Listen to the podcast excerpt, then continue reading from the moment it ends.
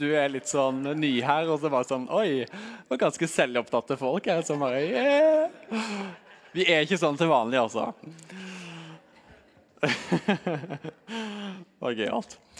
Um, før jeg liksom hopper rett inn i, inn i talen, så uh, har jeg lyst til å, å, si en ting. og det er at vi, Denne høsten så har vi hatt fokus på uh, frimodig tro i menigheten vår eh, og bli utfordre hverandre på hvordan vi kan leve ut troa vår enda mer frimodig der hvor vi er.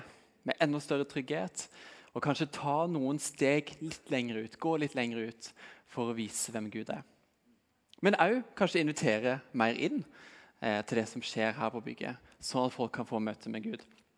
Og For eh, eh, halvannen uke siden så hadde vi en sånn eh, Gud versus vitenskap temakveld hvor det var over 220 mennesker inne i, inne i kapellet. Stappfullt. Så, så gøy. Masse folk som ikke tilhører kirka her, eller ikke tror heller ennå. Så det var nydelig. Um, og Forrige helg så hadde vi jo førjulskvelder med Egil Svartdal. Uh, fredag, lørdag kveld. Nydelige kvelder her hvor igjen folk som ikke tilhører menigheten eller ikke kjenner Gud ennå, var en del av. Så det, det har vært så, så nye, nydelige Eh, kvelder og samlinger. Eh, og, og, jeg hadde lyst til å bare si at eh, etter julaften så kommer det en ny mulighet til å invitere folk inn på noe. Altså, det kan vi gjøre med alt som er her, men det er noen, som, noen ting som er særlig godt tilrettelagt for det. Og Det er alfakurset, som begynner i, mot slutten av januar. Ti kvelder satt av for å eh, høre litt input, undervisning om et tema relatert til Gud og tro. Og Så får man gå i litt sånn i grupper og snakke litt om det. Stille spørsmål, reflektere osv. Og jeg har lyst til å si til, til uh, oss som tilhører denne menigheten her, at, uh, eller til du som tilhører denne menigheten her, at uh, mest sannsynlig så har du til ulike tidspunkt delt noe om, om troa di med andre mennesker. Veldig mange av oss har det. og Eh, vi snakka eh, om det tidligere, at eh, så langt som alfa tar mennesker i forhold til tro, da må du gå uendelig mange ganger rundt motstanden med tur med folk for å sammenligne det. Altså, det, det vi har relasjoner som, som vi kanskje snakka litt med tro med, men det er ikke alltid det kommer så mye videre. Her er det satt av gode kvelder, skikkelig gode muligheter til å etter å snakke om tro og ta det i en vandring. Og til du som ikke kjenner at vet du hva, jeg er ikke helt trygg i dette her med tro ennå, jeg vet ikke helt hva jeg tenker, så velkommen til disse kveldene, til dette kurset. Håper vi, vi som menighet kan omfavne denne muligheten. Flott. Bra. Utfordringa er gitt. Og jeg takker deg, gode Gud, for at du både er til stede på alfakveldene og det som skjer framover der, og òg at du er fortsatt er her. Det står i ditt ord at der hvor to eller tre er samla i ditt navn, der er du midt iblant oss. Og nå er vi mange flere enn det. Så takk for at du er her. Mm. Kom med din ånd og vis oss det du har lyst til å vise oss.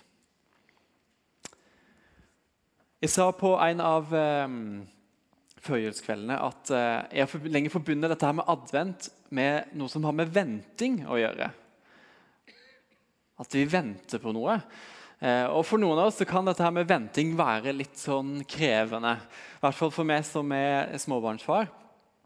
Eh, og det å stadig vente på at barna mine skal få kledd på seg eller spist av maten eller kommet seg ut dørene eller hva det måtte være, de krever litt sånn tålmodighet for meg. Det tar litt tid. Men ikke bare for foreldre, for, for barn òg kan det være utfordrende å vente. Eh, når, på 1.12. så eh, sa dattera mi, som er tre år Hun var litt på en sein ettermiddag så var hun sånn Å, det er så kjedelig å vente på jul! Det er 1000 uker til jul! så jeg, skjønner at jeg syns det er litt kjedelig å vente, men det er bare fire uker. altså. Men hun tror ikke hun hadde helt det der tidsbegrepet. Uansett, dette med venting, jeg vet ikke hvordan du har det med det. Men vi vet jo at den som venter på noe godt, venter ikke forgjeves. Så gode dere er på ordtak! Bra jobba. Nå er vi midt i advent. Og Jeg vet ikke hvor du er i forhold til dette her med jul. det som har med jul å gjøre. Om du kjenner at eh, vet du hva, jeg er skikkelig godt forberedt, så klar for jul, bring it to me, baby. Eller om du kjenner vet du hva, det der ligger fortsatt litt langt framme for meg. Eller et sted midt imellom. Eh, et ord som er, er, brukes litt i denne fasen, som jeg kjenner at jeg misliker mer og mer, det er ordet julestria. Og jeg skjø... OK, Terje, hvor er du? Det var veldig mye fokus der nå. Du, julestria. Og um, jeg skjønner at, eh, at, folk kan oppleve det sånn. At, uh, jeg har forståelse for at folk kan oppleve denne tida litt sånn at det er litt sånn mye forventninger og mye tradisjon, tradisjoner som, som skal innfris eller hva si for noe, etterleves. Eh, ikke bare skal du få lagd disse julekortene, men du skal jo få gitt dem til alle sammen òg. Det syns vi alltid var det verste. å rekke, rekke, å få gitt det. fordi eh, ja, Bare for noen uker siden så oppdaga vi fortsatt at vi hadde sånn takkekort til dåpen til sønnen vår, som var halvannet år gamle, som vi ikke hadde gitt ut til folk. Så uansett, ikke bare lage det, men også gi det ut. Og så eh, er det ikke bare det at vi skal finne ut av dette med julegave. Hvem, det, hvem skal vi gi til hva? og bla bla. Nei, hva skal vi gi til dem? Kanskje bedre. Eh, gir du til dem? Nei. Ja, um. All right. Um. Så ikke bare dette, dette julegaver kan være utfordrende, men kanskje for noen av oss skal vi lage adventskalendere òg. Og ikke bare skal vi pynte til jul, men vi putter den til advent. Og ikke skal vi bare få orden på all med mat, ha god mat, hvilke, hvilke middager skal ha hvilke dager, men kanskje vi òg lager må bake, og ikke bare ett slag, men syv slag, som det heter i tradisjonen. Og så I tillegg så er det alt dette her med disse selskapelighetene rundt jula. altså Alle de juleavslutningene, julebordet og uh, juleball og familiegjenforening, holdt jeg på å si. Eh, familiefester og sammenkomster. Og Hvis man i tillegg da er student, så er det midt oppi eksamensperioden. Nå karikerer jeg veldig. Det er veldig mye fint med disse tradisjonene. Korte gaver, mulighet til å gi oppmerksomhet til folk, disse festlighetene, mulighet til å se folk og være nær folk og, og, så videre, og bety noe for andre og, og bli sett av andre osv. Så, videre. så det er mye flott med det. Men hvis summen av alt dette her er at vi kjenner at begrepet julestria er kanskje det mest betegnende for denne tida, da har vi gått bort fra det som er kjernen med jula. For Hvis vi stripper bort alle disse her yttertingene fra jula, hva er det vi står igjen med da? Hva er det som egentlig er julebudskapet?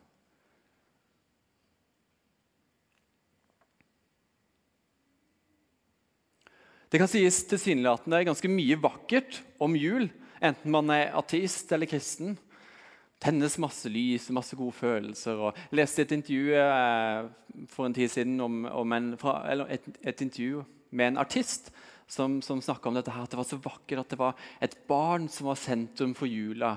Og at det minner oss om hvor sårbare vi er, og at vi må være nær hverandre. og, og, og det, er ikke, det er ikke poeng for meg å snakke det ned. Det kan være mye fint og sant med det. Men er det ikke en dypere substans med jula enn det?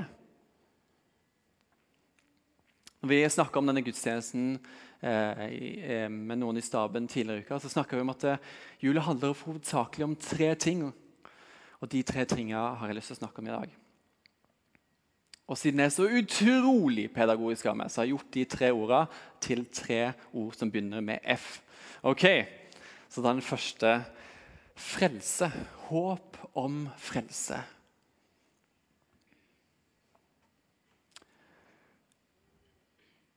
Gud blei menneske og tok bolig iblant oss. Moved into the neighborhood, som det står i message-oversettelsen fra Johannes evangeliet og starten av Johannes evangeliet. Han valgte å bo iblant oss. Og Hvis vi tror at Jesus faktisk er Gud, så betyr det at Gud kom ned på jorda.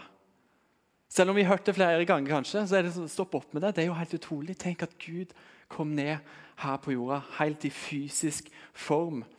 Han kom oss fysisk nær for å demonstrere at han ville være nær oss psykisk og åndelig.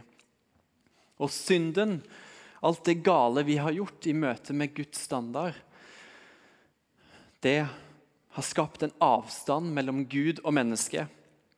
Og siden vi er hjelpeløse i å fikse denne avstanden fikse denne utfordringa, så måtte Gud sjøl finne en løsning. Sendte sin sønn ned hit for å fjerne denne avstanden mellom Gud og menneske. Og Dette hadde de troende, israelsfolket, jødene, på denne tida, de hadde lengta etter.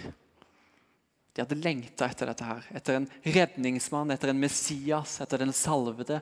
Den som Gud hadde utvalgt, Guds sønn. De lengta etter det. Og han kom! Han kom faktisk. Det endte ikke bare med lengselen eller forventningen, men han kom.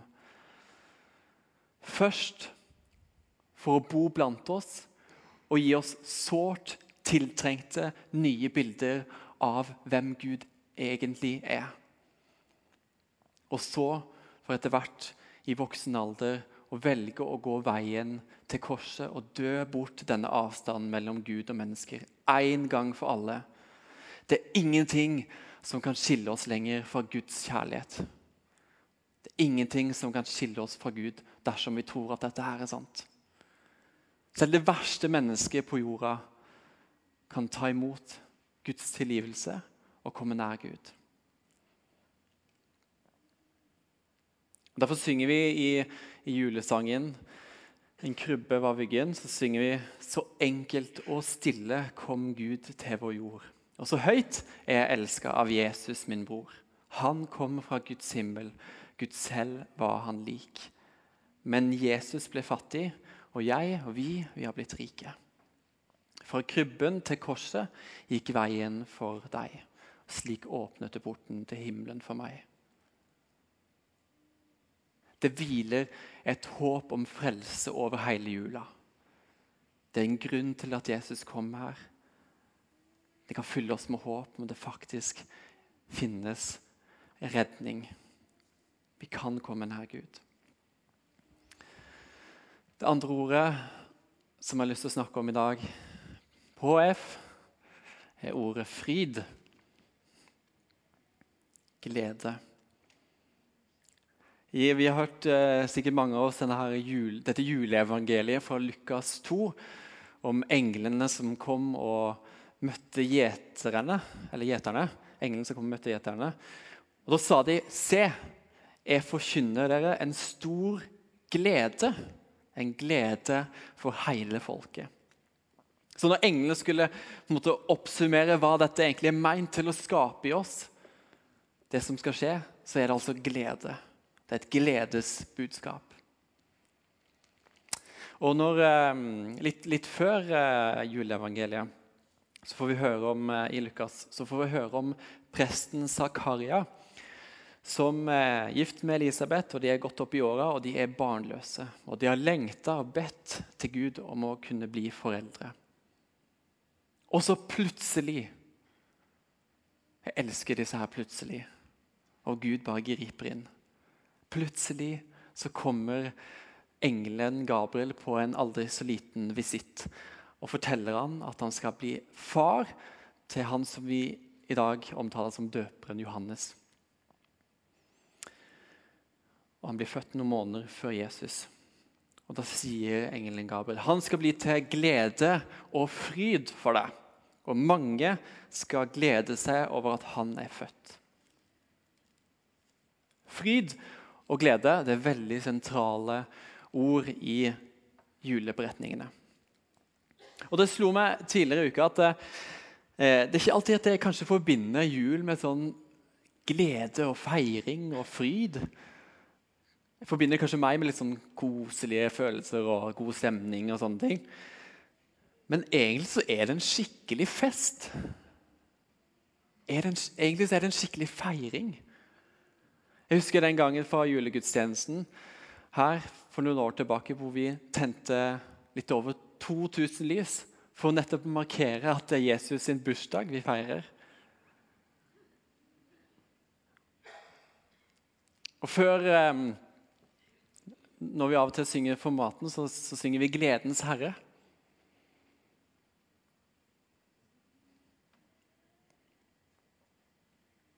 Og igjen, han kom. Gledens Herre kom. Gi grunn til å gjøre oss glade. Og kanskje vi skal bytte ut noe av den grelle julepynten som vi fikk av tante Jørgina for noen år tilbake. Eller som barna våre har laga. Nei, jeg, jeg mente ikke det. Jeg sa ikke det. Jeg sa ikke det høyt. Og heller erstatte det med noen skikkelig miljøvennlige, plastfrie ballonger uten helium. Fordi det er en feiring. Det er en feiring.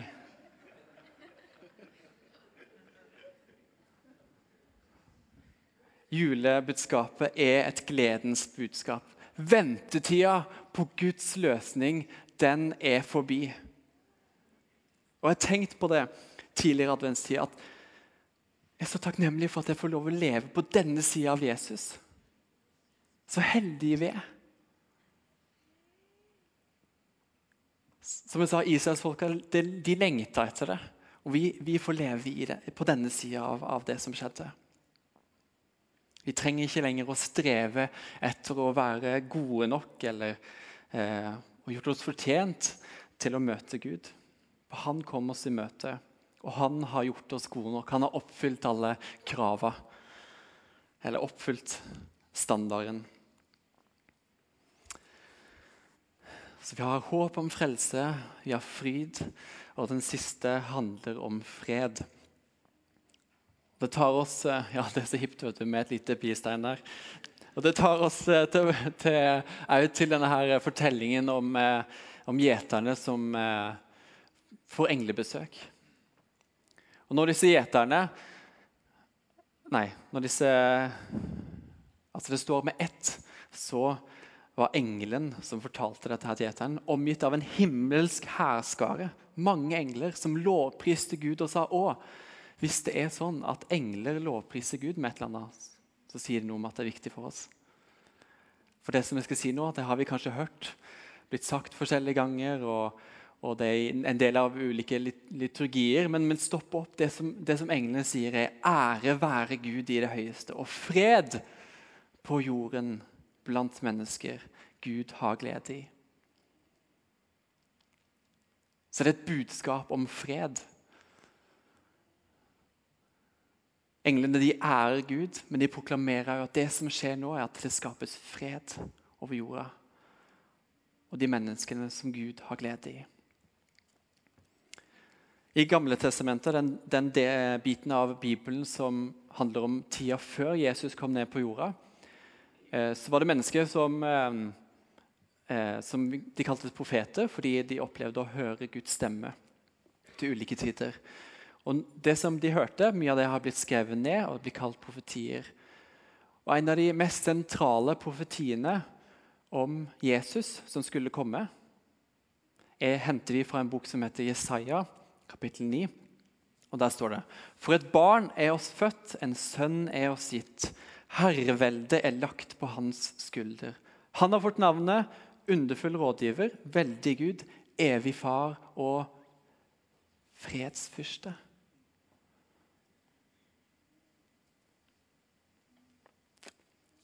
Den han som kom, er fredsfyrsten. Jesus er fredsfyrsten. Fyrste over fred.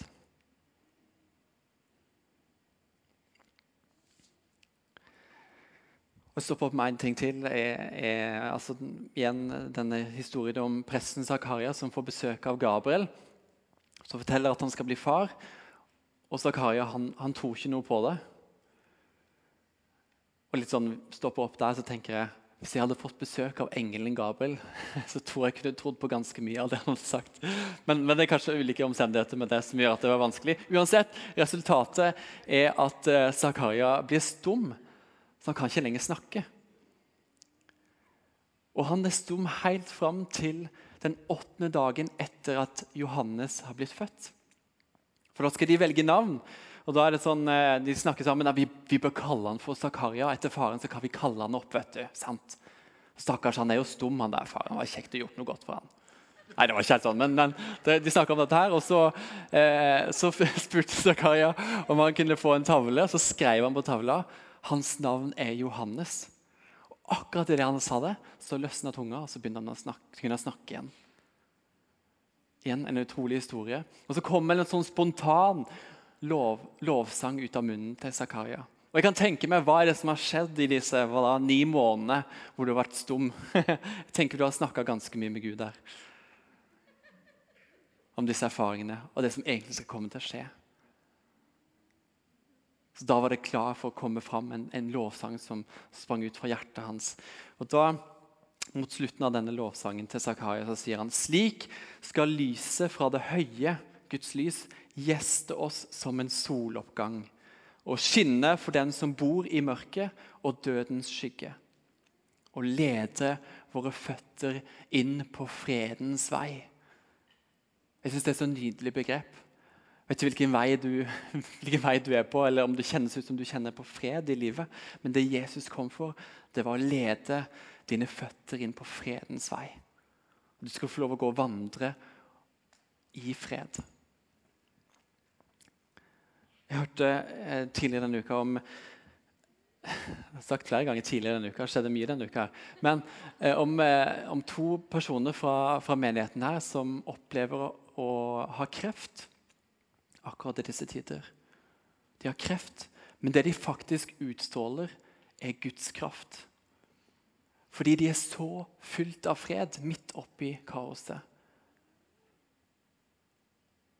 At ryktet deres handler mer om om den freden de bærer, enn den sykdommen de erfarer. Det står i, i Johannes eh, evangeliet at eh, eller Jesus sier til disiplene fred etterlater jeg dere. altså Han snakker til oss. Fred etterlater jeg dere. Min fred gir jeg dere, ikke den fred som verden gir. Det fins mange folk som snakker om fred i disse dager snakkes det om fred i denne verden, så kan det sikkert være fint, men jeg skal si det nå, det er en helt annen fred som kommer fra Gud. Den gir overhodet ikke mening. Den er fra en annen verden. Og Det gjør at midt i de, i de mest krevende ytre stormene så finnes det en indre fred som overgår all forstand. Som kommer fra Gud. Som han ønsker å gi oss. Det kan være vanskelig å nesten forklare og sette ord på, men hvis du har fått tatt imot den og lever i den, så vet du hva jeg mener, og da kjenner du deg avhengig av den. Og Dette her er Guds gave. Åndens frukt, resultatet av å være fylt med Guds ånd. Julebudskapet handler om håp om frelse. Det handler om fryd over et gledesbudskap. Og det handler om en fred som overgår all forstand.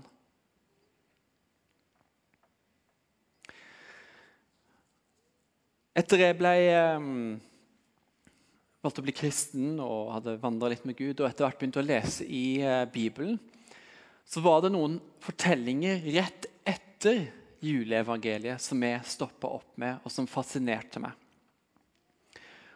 Uh, og det var historien om Simon og Anna. For kort tid etter Jesu fødsel så tok foreldrene hans med Jesus til tempelet for å bære han fram til Gud, sånn som var en del av skikken. Um, og Blant alle de andre barna som skulle bæres fram denne dagen, så, så var det noe spesielt som skjedde. For Det var en mann som heter Simon, som, som, hadde levd nær Gud over lang tid, var fylt av Guds ånd og opplevde at Gud hadde sagt til ham vet du hva, du skal ikke dø før du får se min redningsmann, min frelser, som er sendt til denne jorda. Og Så står det at han var leder til ånden til å komme til tempelet denne dagen. Og Så ser han Jesusbarnet, som var seks Nei, det, det står faktisk ikke der. Sorry. um, men ser Jesusbarnet og um, tar han i armene, og så sier han Vet du hva, Gud, nå kan du ta meg herfra, nå kan du ta meg fra denne jorda. Fordi nå har jeg fått sett din frelse, som du har gjort i stand like for ansiktet på alle folk. Et lys til åpenbaring for hedningene og ditt folk Israel til ære. Og Rett etterpå så eh, er det ei anna dame som heter Anna, som så at hun var enke etter bare syv år. Altså Hun hadde vært gift syv år, så ble hun enke, og nå var hun 84 år. Og hun hadde siden da levd nesten i tempelet. Dag og natt vært i tempelet og bedt og fasta. Og så opplever hun noe av det samme, at dette her barnet er helt spesielt. Og det står at I samme stund kom også hun fram og lovpriste Gud og begynte å fortelle alle om dette her barnet som, eh, som eh, skulle gi frihet til folket. Jeg syns det er mm, altså De som har fortalt om Jesus og skrevet ned hva Jesus gjorde, så synes jeg det er, sånn, det er nesten usannsynlig at de skulle ha lagt til dette her hvis det ikke var sant. Fordi Det er på en måte så, så både detaljert beskrivelse og nesten sånn, altså det er så mye utrolig som skjedde med Jesus senere, som de egentlig kunne plukke av eller dikte opp ting. eller hva det måtte være. Men dette her, at de valgte å skrive det Når jeg leste det som eh, forholdsvis ny på vandringa med troa, så, så, begynte jeg å tenke wow, dette er jo veldig spesielt. Dette bekrefter på mange måter at det hvilte noe spesielt over Jesu liv. Lenge før han gjorde noe eller presterte noe. Mens han ennå var et lite barn. Og disse her eh, menneskene, Simon og Anna, får noen forbilder for oss. Gud avslørte sine planer til de som ga han rom for det. Og disse menneskene her, de hadde forventninger, at, eh, forventninger til Gud fordi de hadde gitt rom til Gud i sin liv. Midt i en krevende periode. For Det står at i denne tida så, eh, så, eh, så snakka ikke Gud lenger til profeter. Flere hundre år hvor, hvor det ikke var eh, Hvor egentlig Israelsfolket opplevde at Gud var fjern. Men likevel så har de menneskene der satt av tid til å være med Gud. De fikk bære Guds håp om frelse, fryd og fred inn i denne tida.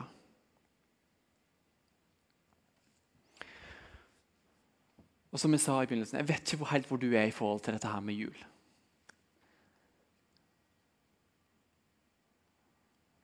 Alt det du forbinder med jul, jeg vet, vet ikke hva det er for noe. Kanskje også noen kjenner på vet du hva, dette her med, med, bare det med familierelasjoner. Det er faktisk ganske utfordrende for meg. i forhold til jula. Kanskje noen kjenner på det? Og Det tror jeg er mange flere enn det vi kanskje tenker. Jeg husker For noen år tilbake så eh, var jeg med en, en, gjeng ledere her i IMI. Jeg tror vi var syv-åtte stykker. og vi Eh, og Det var rett før jul, og så spurte jeg er det noen som kjenner på at dette her med liksom, jul og å være sammen med familie og familiesetting kan være litt utfordrende. Så kan vi be for det. Og samtlige av oss kjente på det. Kanskje noen òg kjenner på det. Det er òg en, en, bit av det som har med jula å gjøre.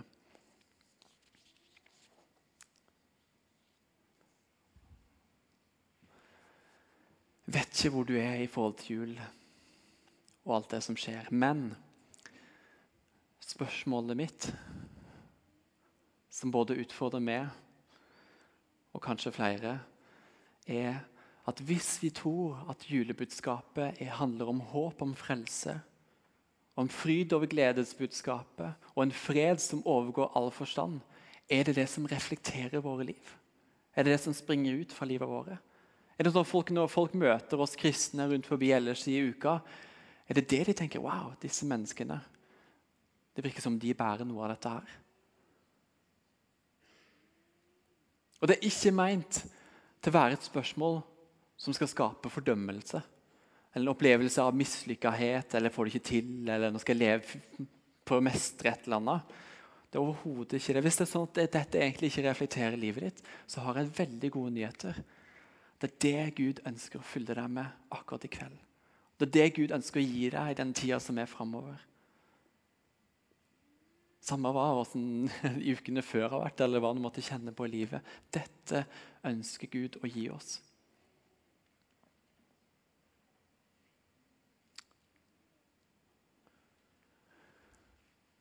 Vi skal få ta imot. Det er ikke så vanskelig å ta imot en gave. Det er ikke så strevsomt, i hvert fall. Det er heller ikke strevsomt å ta imot Guds gode gaver.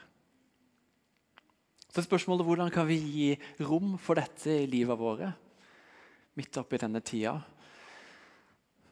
Kanskje, kanskje vi, kan vi sakke ned tempoet litt, hvis det er mulig? Kanskje vi må endre noen av juletradisjonene? Eller kanskje forenkle det litt? Kanskje vi må booke av tid for å være sammen med Gud i denne tida her? Jeg vet ikke hvordan det ser ut for du. Det kan være mange forskjellige måter det kan se ut som. Men jeg hørte en historie eh, nylig fra en som, var, som, er en del av denne menigheten. Eh, og, og eh, midt i en litt sånn stressa arbeidshverdag så satte vedkommende av tid til å bety noe for et annet menneske som han ikke kjente så godt. Og så var resultatet at han fikk lede ham til tro på Jesus. Og Jeg syns det var så utrolig inspirerende. Og det, det, er egentlig mange nydelige detaljer med denne historien som, som jeg ikke har, mulighet til å dele akkurat nå, men, men jeg håper at uh, vi får høre mer av dette her seinere. For det var en spesiell historie. Men ja, tenk om vi kan få rydde av tid og rom for at Gud får ta imot det Gud vil gi oss i denne tida. Slik at det er jo det som vi lekker videre ut i denne verden. Lovsangstimen, dere kan uh, komme opp. Det beste vi kan gjøre, det er å omfavne det Gud vil gi oss. Jeg starta talen med å snakke om at um, advent er noe jeg har forbundet med venting, med det å vente på noe. Og Så skjønte jeg for noen år siden at uh, en bedre oversettelse av advent egentlig er komme, eller ankomst. Jesu komme eller Jesu ankomst. Og Det tok meg rett til en sånn ankomsthall til en flyplass. Tenk så mye forventninger det er der for de som står og venter på noen som de skal ta imot. Kanskje noen som har vært borte lenge, for å se sine kjære igjen. Eller for de som for så vidt kommer med flyet og skal lande og se sine kjære igjen. Det er et sted, sted hvor det er fullt med forventninger. Og jeg tror at denne adventstida er egentlig nettopp dette her. Et sted, eller en tid, for Jesu ankomst å komme inn i våre liv for å prege våre liv enda mer. Kanskje for første gang, eller for n-te gang, om vi kjenner han godt. Jeg tror at, at Gud virkelig står klar i ankomsthallen for å møte oss. For å fylle oss og gi oss dette håp om frelse. Fryd over gledesbudskapet og fred som overgår all forstand. Og jeg, jeg, tror at han er klar til å komme oss nær i livet. Uansett hvilken historie vi bærer på, eller utfordringer vi måtte kjenne akkurat nå, eller tankene vi har forbundet med jula.